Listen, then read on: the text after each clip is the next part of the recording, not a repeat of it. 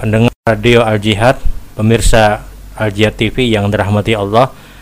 Kembali pada kesempatan hari ini insya Allah kita akan menjawab pertanyaan yang sudah dihadirkan. Assalamualaikum warahmatullahi wabarakatuh. Waalaikumsalam warahmatullahi wabarakatuh. Ulun umpat arisan bandar, ulun umpat arisan bandar minta satu. Pertama bandar mengambil misalnya arisan itu 10 orang di dalam 10 bulan berhubung jatah bandar satu maka jadi 11 bulan anggota yang membayari yang ditanyakan apakah ini diperbolehkan.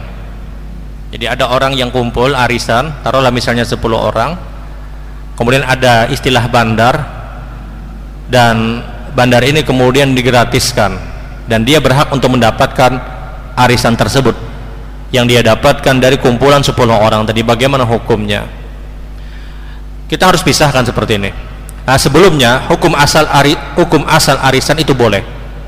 Ini muamalah dan itu hukumnya diperbolehkan. Meskipun sebagian orang mungkin menyatakan di, tidak diperbolehkan namun tidak ada dalil yang jelas. Dan muamalah hukum asalnya adalah halal sampai datang dalil yang mengharamkan. Hukum asal arisan itu adalah boleh hukum asalnya ini bukan uh, ini bukan akad orang yang berhutang bukan. Jadi harus dipisahkan. Kemudian istilah bandar di dalam arisan harus kita pisahkan. Yang pertama adalah kalau seandainya orang tersebut dia membiayai dia memberikan hutang dengan untuk 10 orang tersebut. Taruhlah misalnya satu orang satu juta kemudian dia berikan hutang 10 juta untuk 10 orang. Nah 10 juta itu kemudian diberikan oleh bandar tadi. Kemudian keharusan dari 10 orang tersebut membayar kepada bandar tersebut sehingga bandar tersebut kemudian diikutkan lagi arisan. Artinya orang-orang yang diberikan hutang dengan cara arisan tadi harus membayarkan kepada bandar lebih dari satu juta. Taruhlah misalnya 11 juta dia harus kembalikan maka di sini hukumnya riba. Tapi kalau bandar tersebut diberikan jatah untuk mendapatkan arisan sebabnya ada dia yang mengurus semua arisan ini.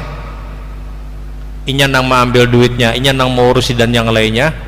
Maka urusan-urusan yang ada pada bandar tadi menjadikan dia mendapatkan hak satu dari arisan tadi mayoritas ulama menyatakan hukumnya boleh.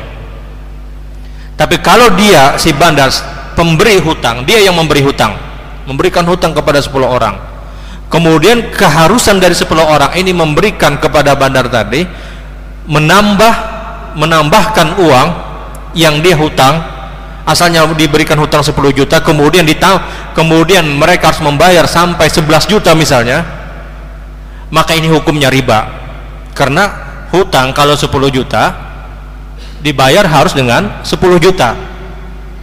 Tapi kalau kasusnya bukan seperti tadi 10 orang dia arisan kemudian dicarilah satu orang bandar dan orang ini orang yang mengurus arisan tadi dia mengambil uang dari fulan dia ambil uang dari fulan. Ada yang misalnya di rumah ini ada yang jauh-jauh misalnya kemudian terkumpullah uang tersebut disebabkan dia yang uh, dia yang mengurus dari arisan tersebut mayoritas ulama menyatakan hukumnya boleh.